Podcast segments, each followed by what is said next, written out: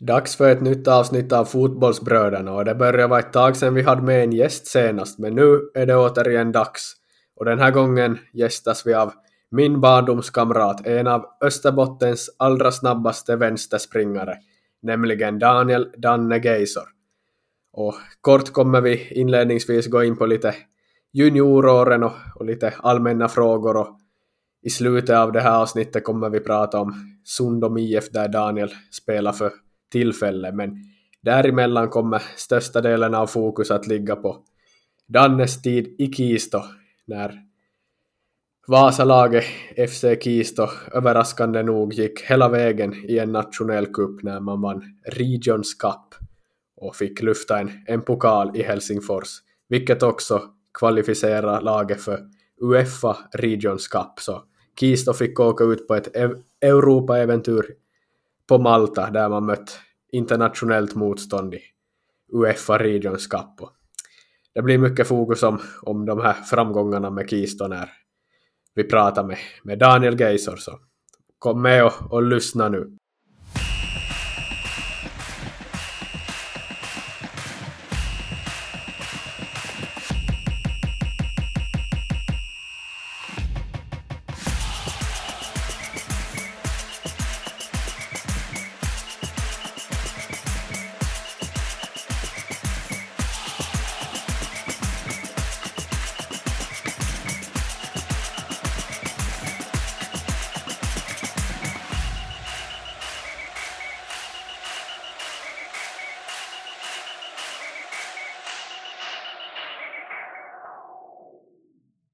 Idag har vi med oss Daniel Geisor i podden som ska berätta lite om sin fotbollskarriär i, korta och stora drag och vi ska väl stanna upp lite sen vid, vid Kista och deras Regions Cup-seger 2013 och efterföljande års Europa-äventyr för, för amatörer om vi säger så men jag tänkte att vi ska köra igång kronologiskt lite och, och stanna upp lite vid dina tidigare klubbar och ja, vad du har för typ av fotbollskarriär, men först och främst välkommen.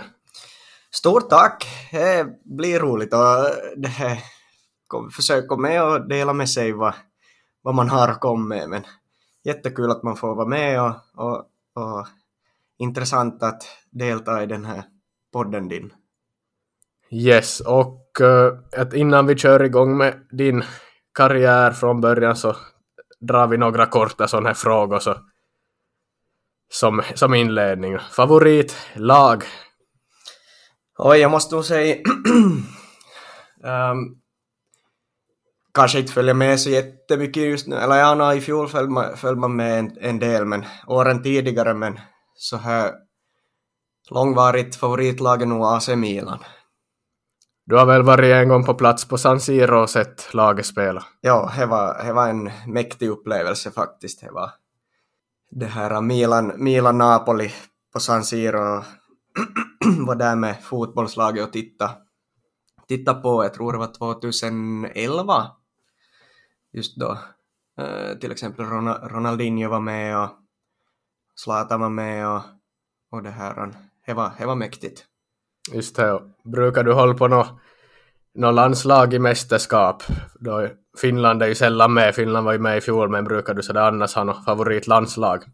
Jag tycker nu på senare år så har jag tycker om Portugals spel. Så de, de har man hejat på nu, de här senaste mästerskapen faktiskt. Jag minns du var tidigare, då du var liten och kollade Finland-Holland, då minns jag du var lite fan av holländska landslaget. Är mm. det någonting du har kvar ännu eller var det mm. häftigt att se dem? Det sitter faktiskt nog, nog kvar men jag tycker att de har imponerat på senare år som, på samma sätt som det var tidigare. Jag tycker det har ändrats Holland i år än vad det var tidigare. Men om vi tar nästa fråga. Favoritspelare behöver inte vara en aktiv, det kan vara. Du får nämna flera också, men om inte du har en enskild no, om man ser bakåt så tycker man nog Roberto Carlos var nog mäktig. Hans vänsterfot, jag är vänsterfotad själv och så man försöker ju som liten då vara liknande som han. Men inte, kan man ju skjuta lika hårt men ännu heller. Men Men det här, just nu så tycker jag nå, nå Zlatan har ju varit med, med ett långt tag och han är med fortfarande. Det är ju häftigt att se att han orkar ännu och hålls ihop fast han inte hålls ihop. och eh, nå, jag har faktiskt gillat Cristiano Ronaldo, just hans tid i Real Madrid och vad han kunde göra åt Juventus och nå har jag gått kanske lite neråt nu för han men, men det har nog varit någon som man har sett upp till för han, han jobbar jättehårt och, och motiverar en själv tycker jag. Okej, har du något favoritmästerskap som du minns som mer med värme än, och, än andra? Nå ett, ett måste man ju nog säga från barndomen är det nog VM 2002. Och sen eh, VM 2010 kommer man alltid komma ihåg.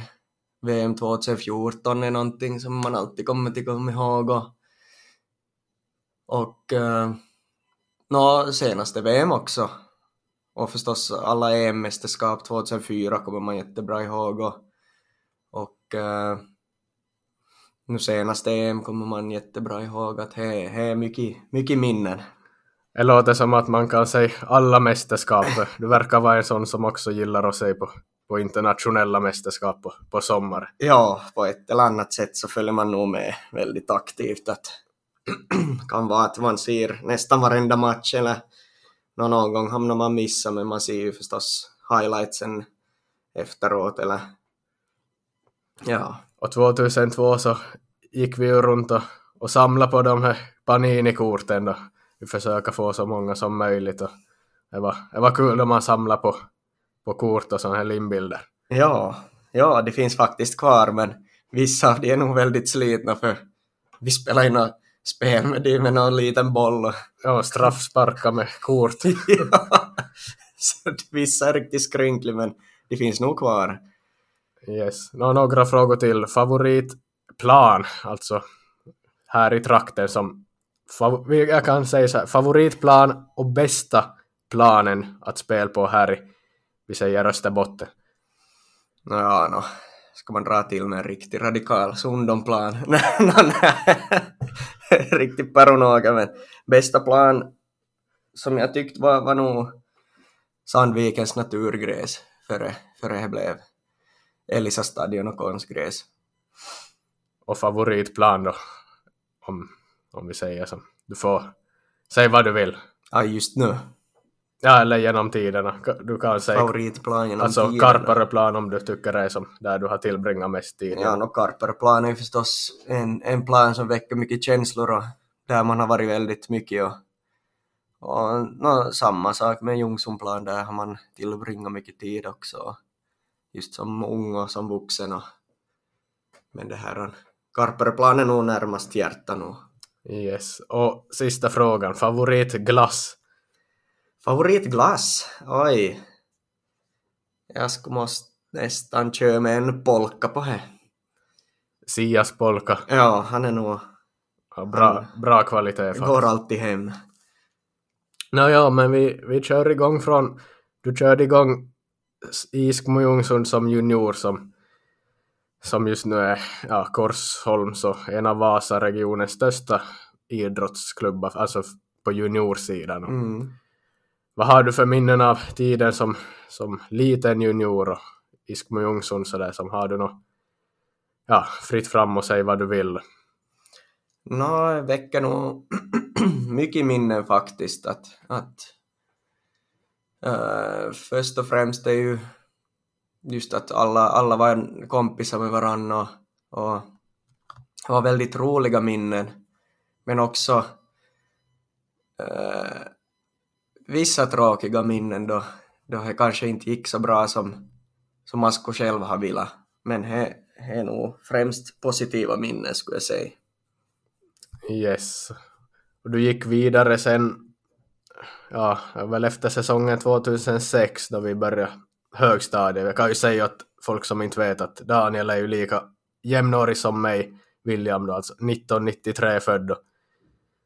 Du gick över då ungefär som 13-åring till Vasa IFK för att testa på en lite mer professionell miljö. Hur, hur minns du den tiden? Mm, det var just, just det där jag menar att, att jag skulle vilja att det skulle ha gått bättre så tänkte, så tänkte jag att IF, Vasa IFKs Mäsby hette då. så, så det här, så tänkte jag att jag, no, jag testar att få dit och jag minns nog det var ganska tufft i början, det var mycket bra spelare där och, men man kom ganska snabbt in och, och det började nog gå, gå bra att var, man var just om, omringad av väldigt duktiga juniorer då. Och vi gick väldigt mycket framåt som ett lag då också. Och vi nådde faktiskt fina meriter att nå, den här Vasa Fotboll Cup som man är, var med i som junior så där tog vi oss ända fram till final och uh, om jag kommer ihåg så vann vi faktiskt inte den finalen. Jag minns inte.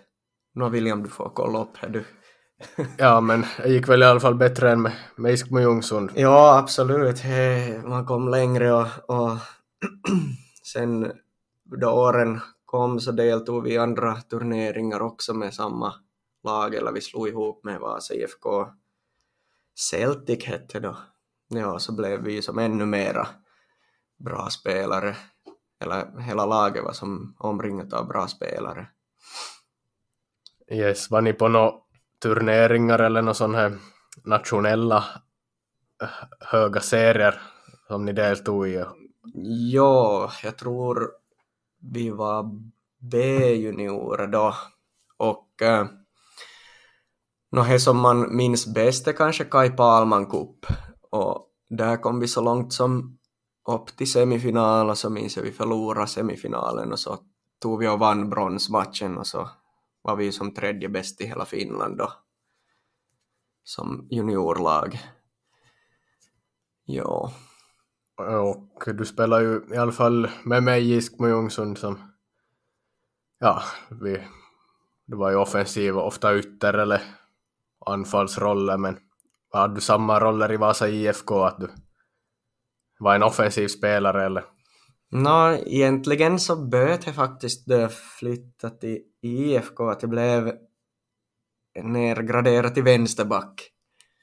Men det här, no, tränaren då, eller dåvarande tränaren ville, ville det här att, att utnyttja min snabbhet som är min styrka ännu också.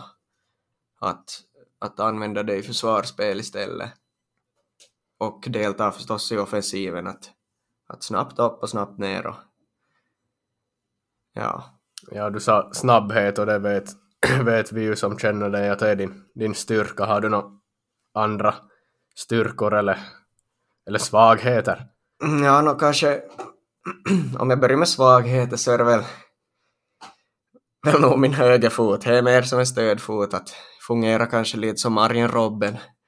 Att försöker alltid, om man är spelar på högerkanten så driver man inåt med vänsterfoten eller, eller just på vänsterkanten så förbi med snabbhet.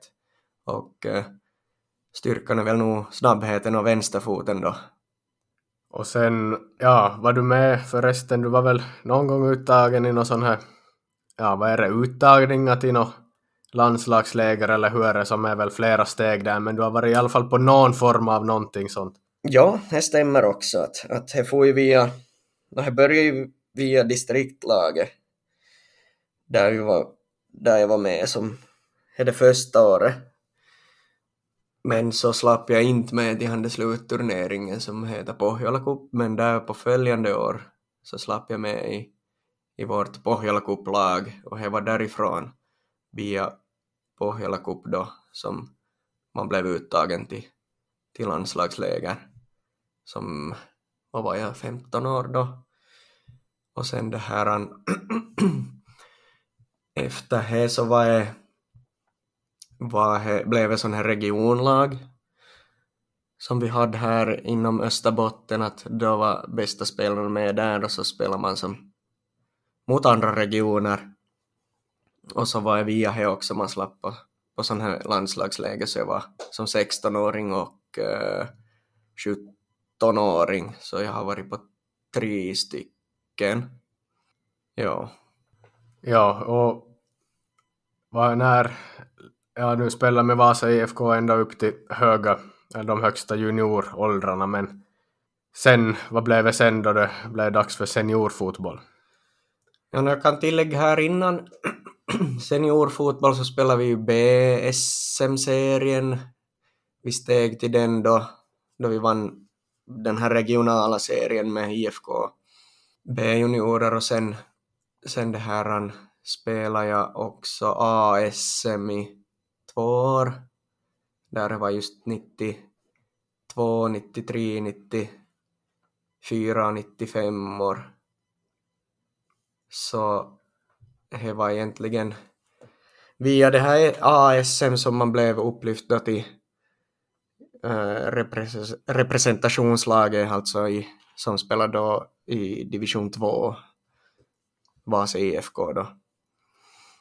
Så där började ju förstås seniorfotbollen då, att man, man tränar ju ganska ofta med herrlaget och, och ja, man fick ju inte spel så mycket då, men man fick vara med på bänken och, och sådär. Och, och sen efter det så kom äh, militären och var då vi, vid Kauhava vid den här flygkrigsskolan så det var ganska behändigt då det är nära, nära Vasa att det tar kanske en timme med bil så man slapp ju att träna då nästan varje vardag så pendlade vi då. Vi var två andra kompisar också, en Artur och en Antti Ruostekoski.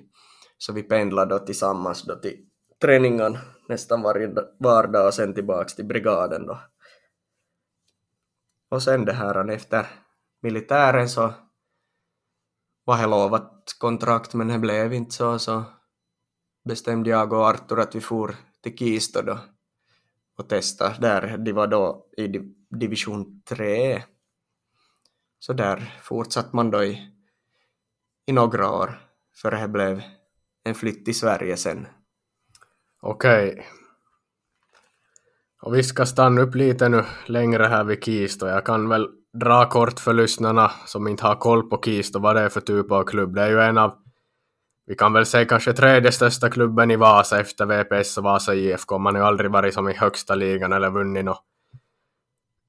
Ja, sådana pokaler. Vi kommer komma fram till andra pokaler senare, men grundad 1904, 1999 blev fotbollen en separat organisation där man annars haft som ja, sport, många olika lag i olika sporter. Man är en klassisk sån här arbetarklubb som hör till det här Suomen työväen urheiluliito, alltså arbetarnas idrottsförbund i Finland. Det finns sådana här klubbar, lag i nästan alla större städer i landet.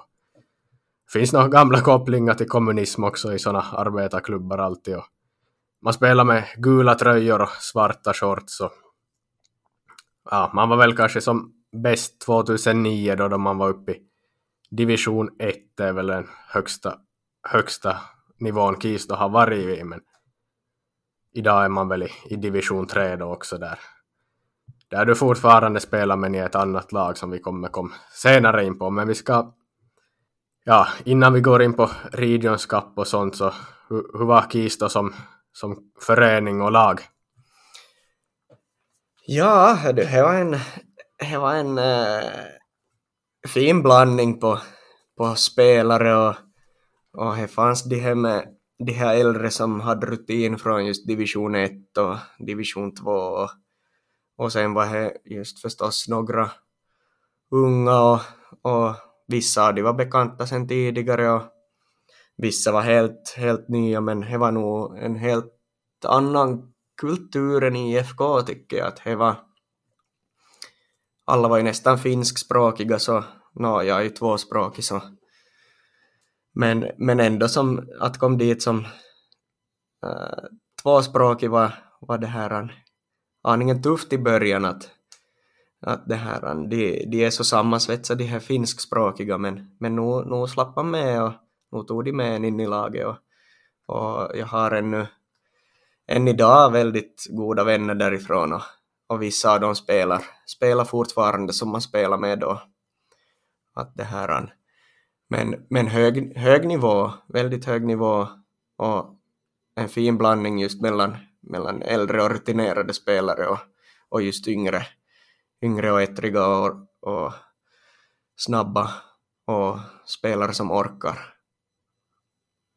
Okej, okay, men ja, vi ska inte kanske prata om varenda seriematch och sånt med Kist och, och varenda träning, utan vi ska prata om hur ni ofattbart nog lyckades få lyfta en pokal, alltså finska Regions Cup, säsongen 2013 när ni gick hela vägen till, till final och vann och sen året efter då fick fara ut i Europa för Uefa Regions Cup. Och jag kan ju kort berätta lite om Regions Cup. Det är en sån här turnering för amatörlag, alltså från Kolmonen och, och neråt, alltså division 3 och neråt får, får man vara, måste laget vara spela i för att få vara med i den här turneringen. Och det, Regions Cup grundades 2012.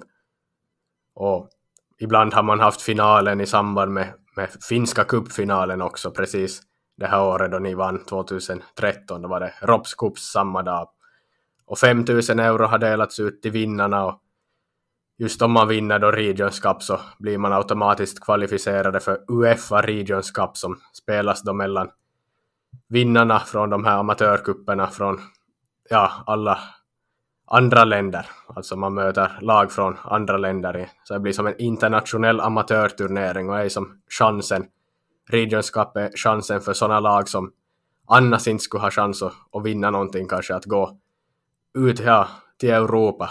Som, hur ofattbart det än låter, det är ju en, en häftig grej men men ja, vi, vi börjar med Regions Cup 2013 då, som jag har tagit reda på fakta här så verkar det som att ni gick direkt in i andra omgången. Det kanske bara var sån där division 6 och 5 lag som var i första, men sak samma. Men i andra rundan så, så vann ni 2-1 mot, mot Sundom. Här noterar jag att jag själv tydligen hade åkt ut med IJBK där jag spelade mot Sundom i omgången före på, på straffar. Men, ja, eller om det, det var något år senare tydligen, men det här året hade vi mött med Iskmujungsund sisupallo och åkte ut, men ja, Sundom, det var något år senare, jag får korrigera, men, men i alla fall, ni vann mot Sundom, minns du något av, av den matchen? Ja, jag har nog några minnen av eh, Jag tror vi spelade han på en neutral plan då faktiskt. Det var i, i Norrvalla av någon orsak, jag vet inte varför. Det kan hända att jag blandar att man har mött Sundom så många gånger, men, men jag tror det var då. Jag minns att det var en väldigt tight match och, och det här, om man inte skulle ha vunnit den här så faller man ju ut. Att det är vinst eller, eller förlust. Eller det vinna eller försvinna i den här kuppen. Så det, var nog en väldigt tajt och en, en viktig match då. Yes, så första och andra omgången i den här kuppen, Regions Cup, är med mellan lag från alltså samma ort, alltså regionala möten, i alla fall för de som är från, från Vasatrakten. Men i tredje rundan blir det sen att det blir mer utspritt, att de möter Vasalagen, lag från norra Finland också, och då ställdes ni mot Herkules borta i Uleåborg och där läser jag att ni vinner med, med hela 7-0, minns du den matchen? Ja, jag tror att jag själv inte var med faktiskt den där matchen, men, men det, det var en ganska lätt, lätt seger nog om man ser på siffrorna så, så det här, no, no, personligt minne har jag faktiskt inte av den där matchen, men, men det är ju ändå positivt att man vinner 7-0 till och med. Ja, Herkules är väl i division 2 idag till och med, men sen i fjärde rundan så ställs ni mot Kauhajoen Karhu och där tar ni en 3-0 hemmaseger. Ja, den här, den här matchen kommer jag nog ihåg, det var en ganska enkel, enkel etapp och, och vi var nog förhandsfavoriter också innan matchen att att det var ganska, ganska klappat och klart. No. Yes, och hinner man börja tänka nu sen när ni i åttondelen lottas mot Tampere United, vad tänker man som spelare då, då man möter ett gammalt storlag som förvisso har gått i konkurs och börjat om i systemet, men ändå Tampere United med flera finska ligaguld. Ja, alltså det här var nog... Det var, vi, vi tänkte bara att vi, vi, vi kör all in och, och och det gick vägen tydligen och, och jag kommer ihåg att, att just före, före den här matchen att man såg nog nervösa miner och det var nog, det var nog en tuff och en viktig match och som sagt då var nog Tampere United förhands favoriter men, men vi, vi klarade oss och, och tog hem det. Om jag minns rätt så låg vi till och med under 1-0 och så vände vi.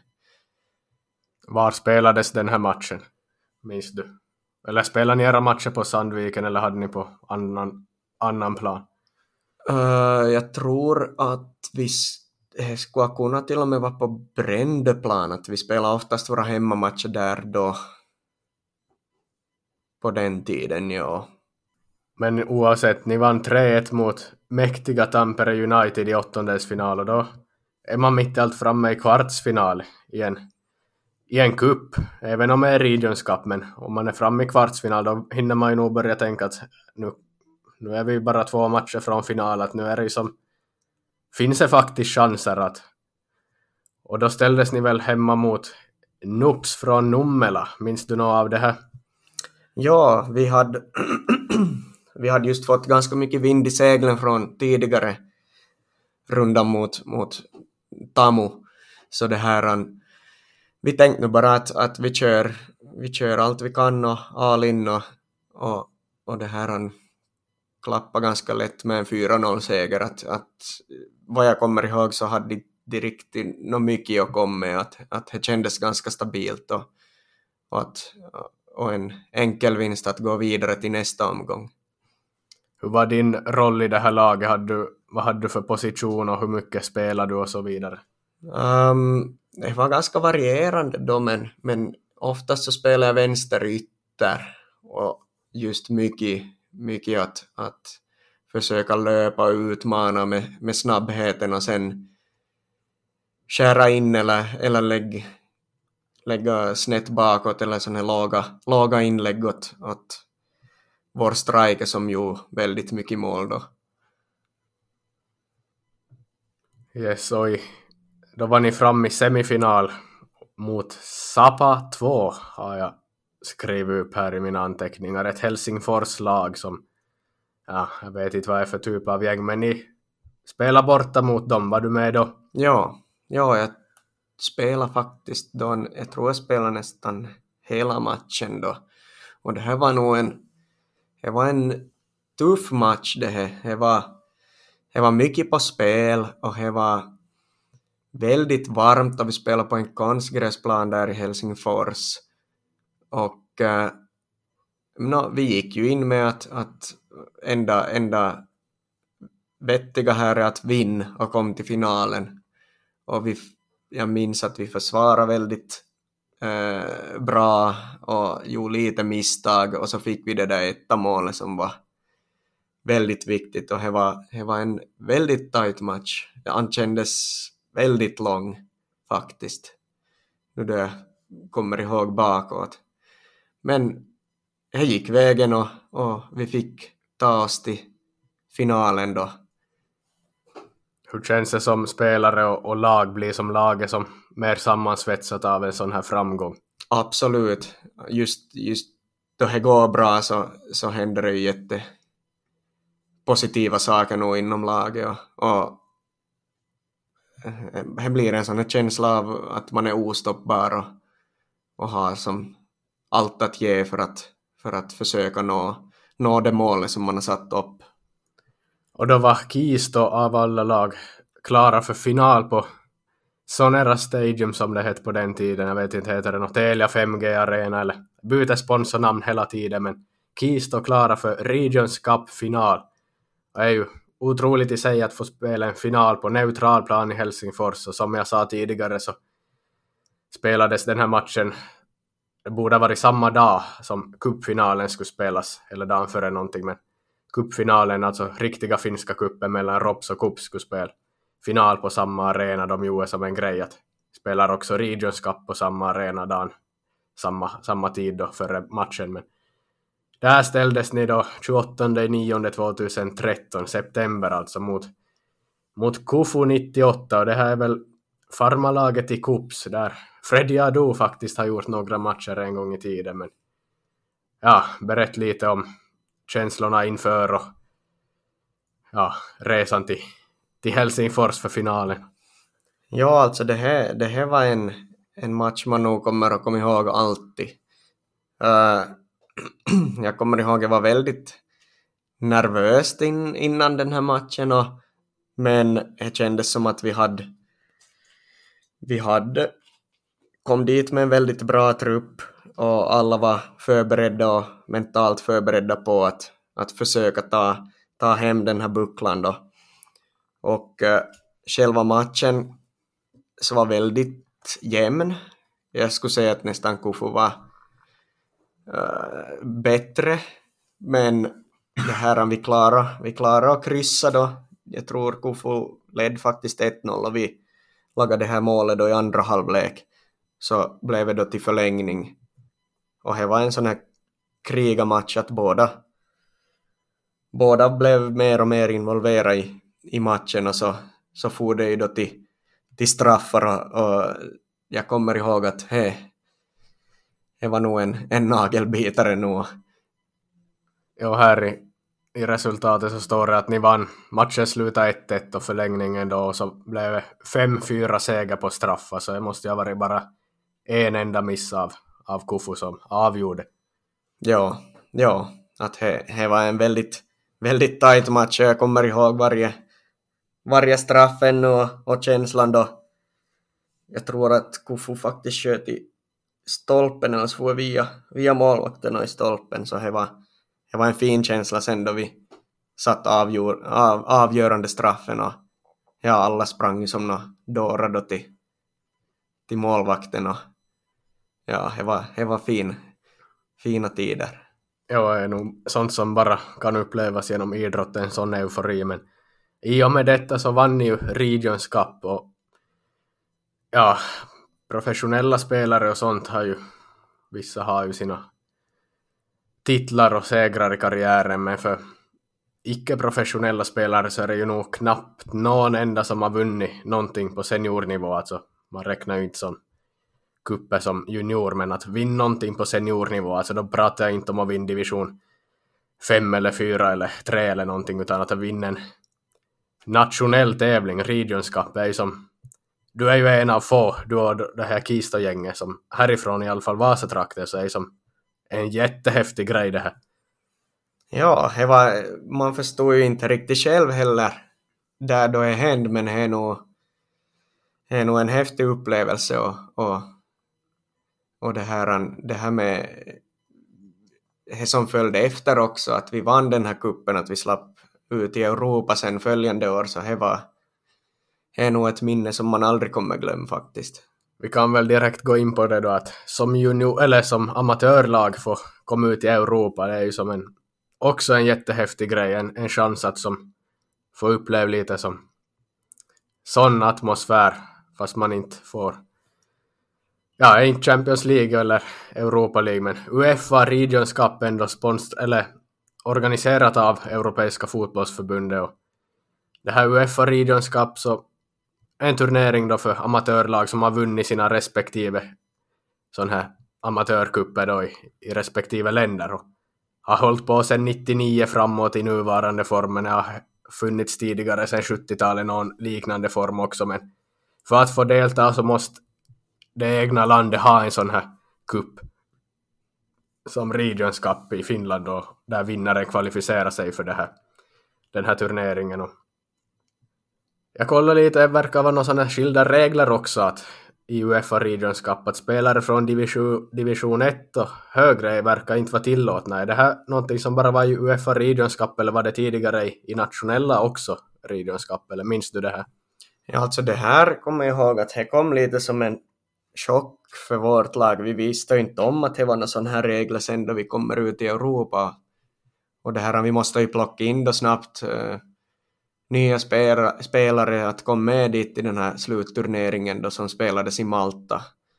Um, så vi hade ju ganska många, många spelare i laget som inte, inte ens fick vara med och spela. De, de, de var nog med på resan men de, de, de fick inte spela något. Så det var, det var ganska stor chock för laget att, sådana regler fanns. Ja, ni hade väl till och med någon gammal landslagsspelare i laget? Ja, det stämmer. Men de blev alltså inte tillåtna för spel i Uefa Regions Cup utan de måste vara ja, spelare från tredje nivån eller och neråt i, i systemet. Då. Men ja, ni åker till Malta då för att spela Uefa Regions Cup och ställs mot lag från hemmanationen Malta och ett lag från Turkiet och ett lag från Ryssland. Och ja, egentligen, ni spelar med Kistos tröjor och sånt, men ni, i det här Uefa Regions Cup så representerar ni som Vasa-regionen eftersom det, är som, ja, det heter Regions Cup då. Ja, hur gick det som... Det var så att ni till och med fick betalt hela den här resan och, och facilitet, boende och sånt. Ja, um, det var finska bollförbundet som stod för, för resan, alltså flyget och, och hotell och, och maten på hotellet och att, att det var som det var som ett sånt här paket som vi fick, fick då för att vi vann och just då vi skulle representera Finland då så, så allting var ju var ju det här betalat via finska bollförbundet så vi fick som bara få dit och spela och representera landet då. Jo, och eran Regions Cup var ju också andra. Det grundades 2012 och ni vann 2013 så ni var det andra laget som åkte ut på det här Uefa Regions Cup från Finland och häftigt såklart att höra att ni fick betalt från bollförbundet och sånt men men även om det var en amatörturnering på, som man säger då, så var ju svåra matchen, Ni ställdes första matchen mot ett lag från Gaso, en ö som, ja, utanför Malta som, ja, nära själva fastlands-Malta också. Men vad minns du av den här första matchen då ni ställdes mot hemmalaget? Det var väldigt varierande, eller väldigt varierande minnen har man, har man av den matchen. Att, att jag kommer ihåg att vi, vi var... Jag tyckte att vi spelade bättre än dem, men de fick mål på deras chanser. Att vi, vi höll som nog ganska lång tid den här taktpinnen och försöka, eller höll i spelet, men de, de slapp då. De, jag kommer ihåg det där första målet kom på en kontring och sen sen det här så kom det där andra målet sen senare men, men det här det var nog en match vi skulle ha borde vinna och det kändes som att okej okay, den här matchen har vi chans att vinna men det slutade ju inte så. Ja, resultatet skrevs till 2-0 åt, åt hemmalaget. Ja. Spelades de här alla matcherna på Gåso förresten? Och hur var det som med, var det folk som var och kollade på eller hur var som intresse för den här turneringen? Ja, alltså alla, alla matcher spelades på, på gås och det var på en gräsplan just som Uefa hade valt ut och som höll Uefas de här standarderna att, att det här det var, det var en gräsplan och en, som en liten stadion med eh, läktare på kortsidan och, och en läktare på långsidan men, men det här ja alltså det kändes åskådare fanns ju förstås, men inte, inte så jättemycket, men det var mycket, mycket sådana Uefa-funktionärer och, och i det här, no, just så som, som det ser ut på en Europa League-match till exempel, men att folk är, eller supportrar är inte så mycket som, som på de matcherna, men, men just det här med funktionärer och ordningsvakter och och jag kommer ihåg just före, före vi fick en spel så måste vi ju det här alla, alla spelare visa det här alla recept på medicinering vi har och att, att ingen är dopad eller någonting och att, att, att det var som en, en läkare, läkare där via jag minns inte om det var via Uefa men man måste få det här Uefa spelpass för att delta i den här turneringen eller att få spel. Just så, ja, det låter ju som att det är Uefa som styr i alla fall så det blir någon form av professionalitet där men bodde ni förresten också på Gåsö eller bodde ni på, på själva huvudön? Vi, vi bodde faktiskt på Gåsö, det var inte så jättelångt till, till själva stadion att vi, no, vi åkte nog, nu var det kanske fem, fem kilometer så vi tog nog, åkte nog med buss dit och Yes, så. I andra matchen då så ställdes ni mot ett lag från södra delarna av Ryssland som hade vunnit det ryska Regions Cup då där. Kan jag anta att det har varit lite konflikter i de delarna av landet men Då läser jag att det blev en 0-1 förlust i andra gruppspelsmatchen mot ryssarna och det här var ju lite av ett, ett rivalmöte kanske då på förhand, Finland mot Ryssland. Vad minns du av den här matchen? Det här var en väldigt svår match. Jag skulle säga den här matchen var svårast av alla. Fast resultatet kanske inte visar det, men, men det här ryska laget, det var, det var oskojat som elva, elva björnar. De var väldigt fysiska och de spelade väldigt fult och jättehårt och det var, det var inte så fint spel utan det var, det var som ett slagfält den här matchen. Och det kändes som redan i, i början av matchen att det här, det här kommer bli väldigt tufft, att, att det smällde på hårt och det, det, var, det var väldigt fysiskt spel.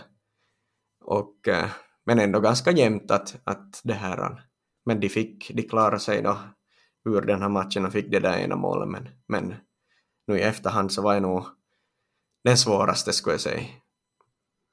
Och sen blev ännu en 0-1 förlust mot Turkiets representant, ett lag från Ankara-regionen. Så med facit, eller så i efterhand så är det ganska kontroversiella länder ni ställdes mot här förutom Malta då, men vad minns du av den här sista för, förlusten mot Ankara-laget från Turkiet då? Um, det var en ganska jämn match. Vi hade mycket, vi hade mycket chanser men vi kom inte riktigt, vi fick inte punktera Turkiet men Turkiet hade väldigt de var väldigt um, individuellt begåvade och, och, de var skickliga och de kunde spela väldigt fin fotboll och det var, det var också på det viset en svår match men vi kom också till, till chanser att vi var mer, mer det kontrande laget i den här matchen och de höll i taktpinnen Turkiet. Och, och det här, jag kommer ihåg att just, just när man såg Turkiets matcher tidigare, eller vi var ju och kollade då vi inte spelade, så, så Turkiet vann gruppen då, om jag minns rätt. Och, och de, de var nog det duktigaste fotbollsmässiga laget tycker jag av, den här gruppen som vi lottades i. Och ni åkte ut då med tre förluster, även om det var jämna matcher och ni inte blev slaktade på något sätt, så ni, ju en, ni stod upp bra för, för, för Finland om vi säger så, men minns du något vem som vann turneringen eller vad, vad jag pratades om att det var, fanns för bra lag som, som skulle ha kunnat vinna om inte du minns? Um, jag minns faktiskt inte vem som vann hela den här turneringen och jag minns inte hur många grupper det fanns. Det här. Men det här... Ja, väldigt svårt att säga. Har du koll på det? Nej, vi, jag tror, jag har försökt hitta lite info, men jag tror den här 2014 Uefa Regions Cup inte finns lika mycket info som just står innan på, på nätet mm. om man mm. söker men men ja, det är ju Kisto vi främst pratar om här men det var på hösten någon gång det här spelades eller hur var, hur, hur var väderförutsättningarna? Um, ja, det var hösten 2014, kanske september, mellan september och oktober om jag minns rätt nu. Att det var väldigt, väldigt varmt sen, sen sommar där i i Malta då att det var, det var väldigt, väldigt varmt och kvavt och det var annorlunda omständigheter än att spela här, här på sommaren. Att det, det, det var nog väldigt annorlunda.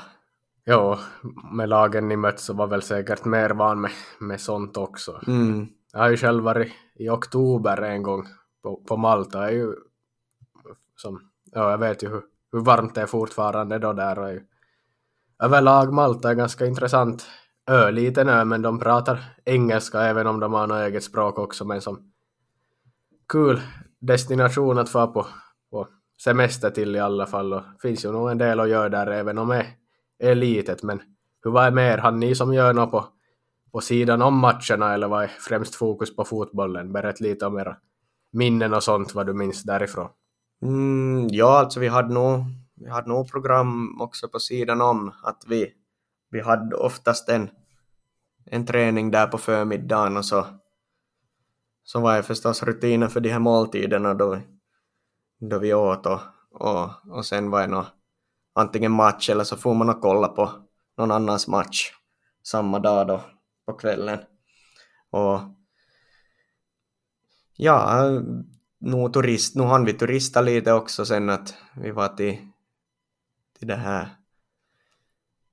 fönstret, vad, vad det nu kallas. Azur window. Ja, exakt. Dit var vi och så var vi och simma i några sådana här grottor och, och ja, men mest var det nog inom, inom fotbollens märken de här, att, att det var en morgonträning på, på, ett, på en fin plan där uppe upp i bergen, att, att där, där fick vi träna då sen, sen tillbaka till hotellet och sen till, till kvällens match då. Just det, jo. Det Azurvindo var en sån här skapelse som har formats av naturen, ett, ett berg med ett hål i sig där ja, luften och vattnet far igenom. Men, och där jag var på Malta 2008 så var jag också dit, precis som du, och fick uppleva det, den platsen. Men den har tyvärr senare rasat ner i havet och naturen har gått sin gång där, så den platsen finns inte något mer. Men det var häftigt att se då, medan man, man kunde se den.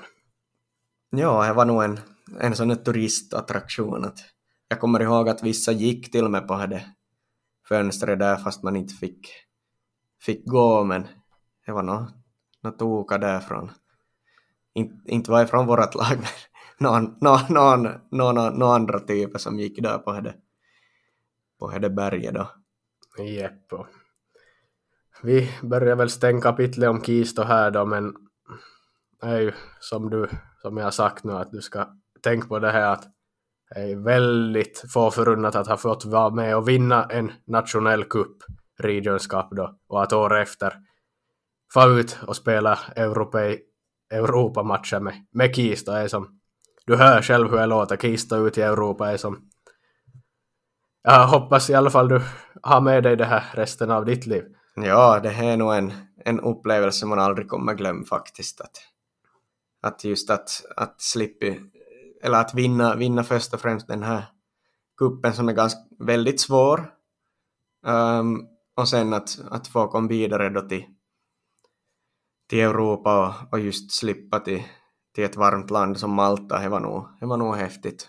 Måste ännu fråga, vem var er tränare under de här åren?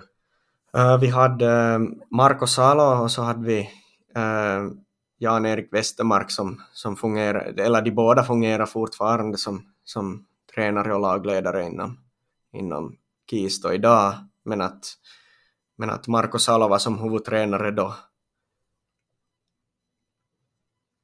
Yes, och vi går vidare nu då från Kisto då ja, du, precis som mig har du studerat i Sverige en tre år och ja, då, då spelade du väl någon sommar i ett svenskt lag också, var det Obbola eller hur var? Ja, ja vi, vi får dit, eller det var Sebastian Häggblom som, som jag bodde med i Umeå då, så, så det var via, via honom vi får dit och, och det här just för att, för att hålla igång och spela, spela fotboll där i Umeå så, så det här var en, en sommar jag lämnade dit och jobbade så spelade jag då en, en säsong med dem då. Så det var, det var en rolig, rolig upplevelse också att, att vi var just ganska många, många från, från Vasatrakten och sådana som man har spelat med tidigare som, som var ofta på träningarna med Obbola, att vi brukar spela futsal ganska mycket Finland mot Sverige, så det var roliga träningar. Vilken division låg Obbola i då? Oj, vad var de i? Fyra eller fem, att det var inte någon hög nivå inte, men, men det var väldigt, väldigt annorlunda.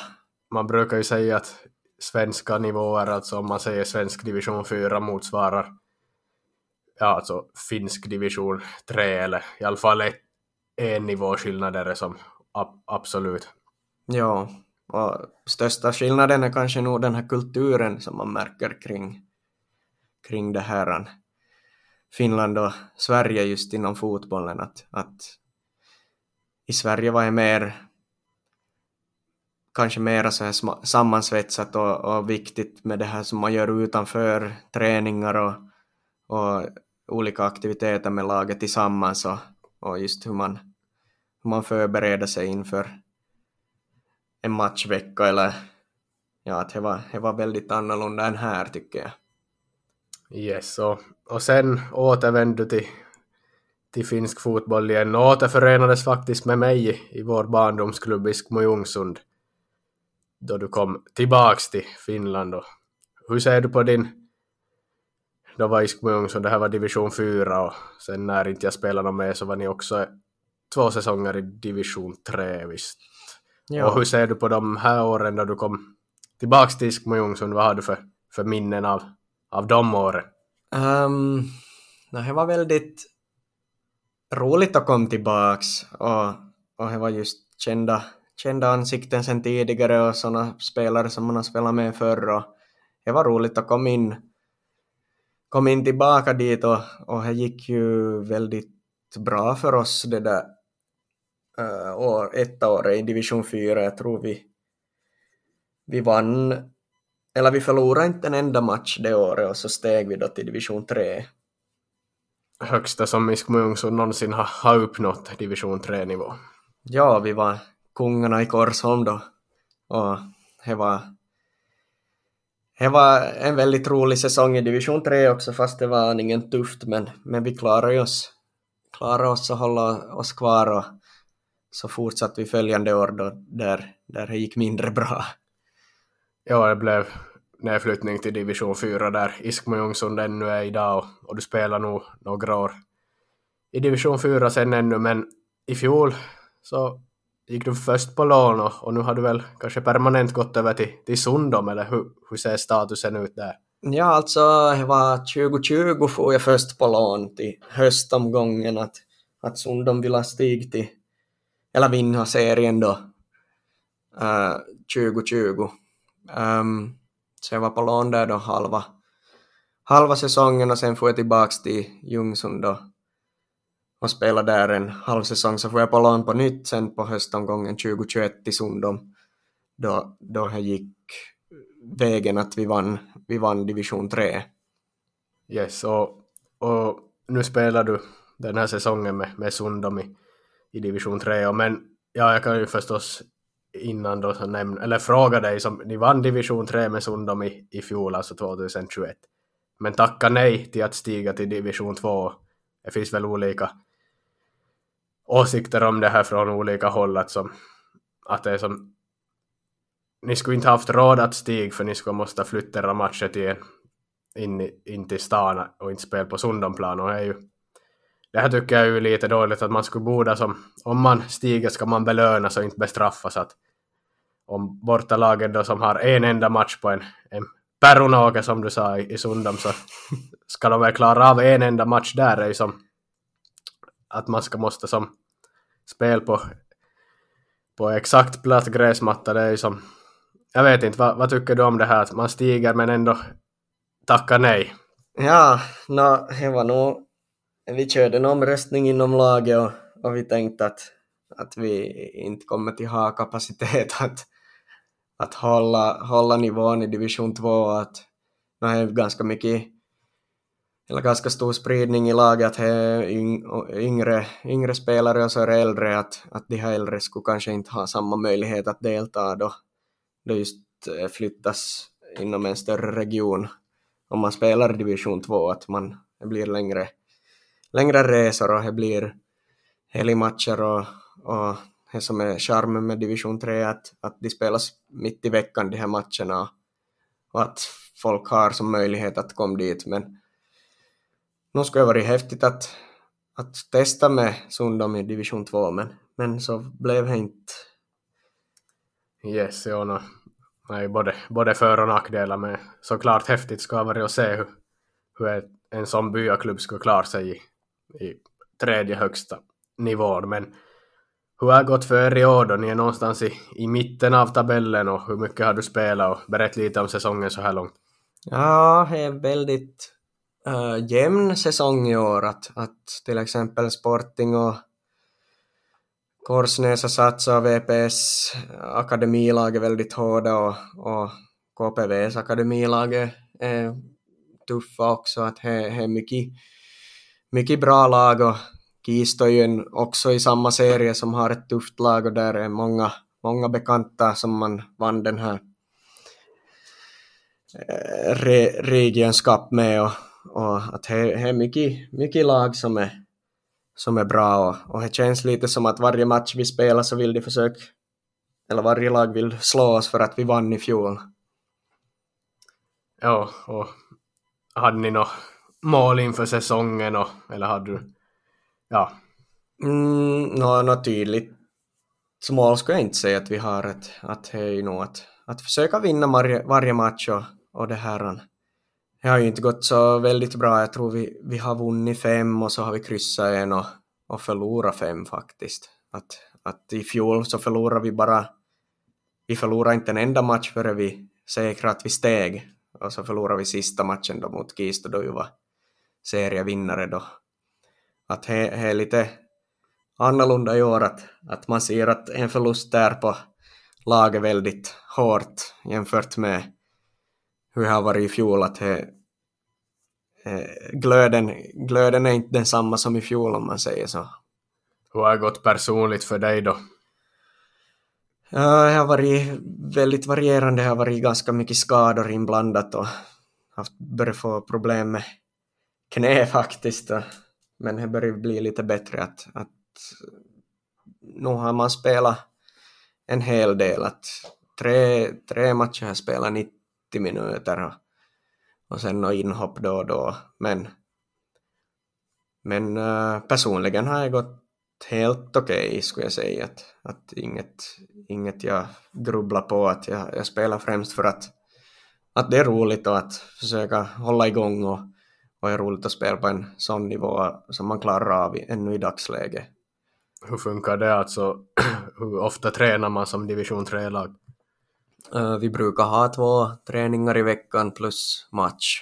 Att till exempel måndag, måndag, tisdag träningar och så har vi match på onsdag eller torsdag eller så ibland kan det vara på lördagar också men, men främst på veckan är de här matcherna. Har ni ställts mot Jalovi i Sporting Kristina, han som har spelat i, HJK. HJK har varit med till och med någon Champions League-kval har jag för mig. Som är egentligen för bra för division 3 men sjukt nog spelar i Kristinestad. Har du spelat mot honom? Ja, han har nog spelat mot honom några, några gånger och vi kommer möta honom nu på nytt på torsdag. Så det här han, han äh, inte skulle jag säga att han utmärker sig på det viset att, att, att han är mycket bättre än någon annan utan utan ja, nu, nu, nu är han ju helt, helt okej okay spelare nu. Att, men inte något som är omöjligt att vinna.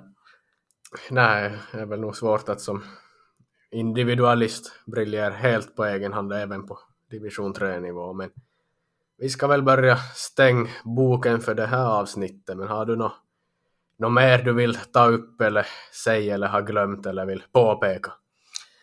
Um, no, ett, ett minne med, med Sundom är nog det här, det är lite utanför fotbollen. Jag minns det var 2020 vi spelade mot Kaskö hemma och sen, sen det här så spelade vi matchen slut och så, så blev det lite kaos där efter matchen så var det en, en gubbe som blev livlös och så så det här han får jag och återuppliva han och han jag fick veta sen dagen efter att han faktiskt klarade sig och överlevde. Så det var en, en häftig upplevelse utanför fotbollsplan att, att man klarar av att rädda, rädda livet på en person. Att det, var, det, var, det var ett minne som man har också för livet. Att jag fick som tre, eller kanske en månad efter, efter händelsen så fick jag en, en whiskyflaska av den här personen och, och det är en whiskyflaska som man kommer ha livet ut och ta, ta ett glas då och komma ihåg olika minnen då med den. Ja, den, den flaskan får väl ta, även om du har vunnit Regions Cup och Division 3 och varit ute i Europa så kanske den flaskan nog står högst på, på den hyllan ändå.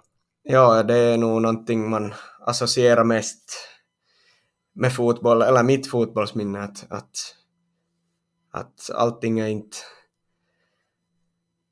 allting är inte inom, inom fotboll utan det kan hända vad som helst utanför också. Att, att det var en fin upplevelse att man kunde hjälpa till och, och det här.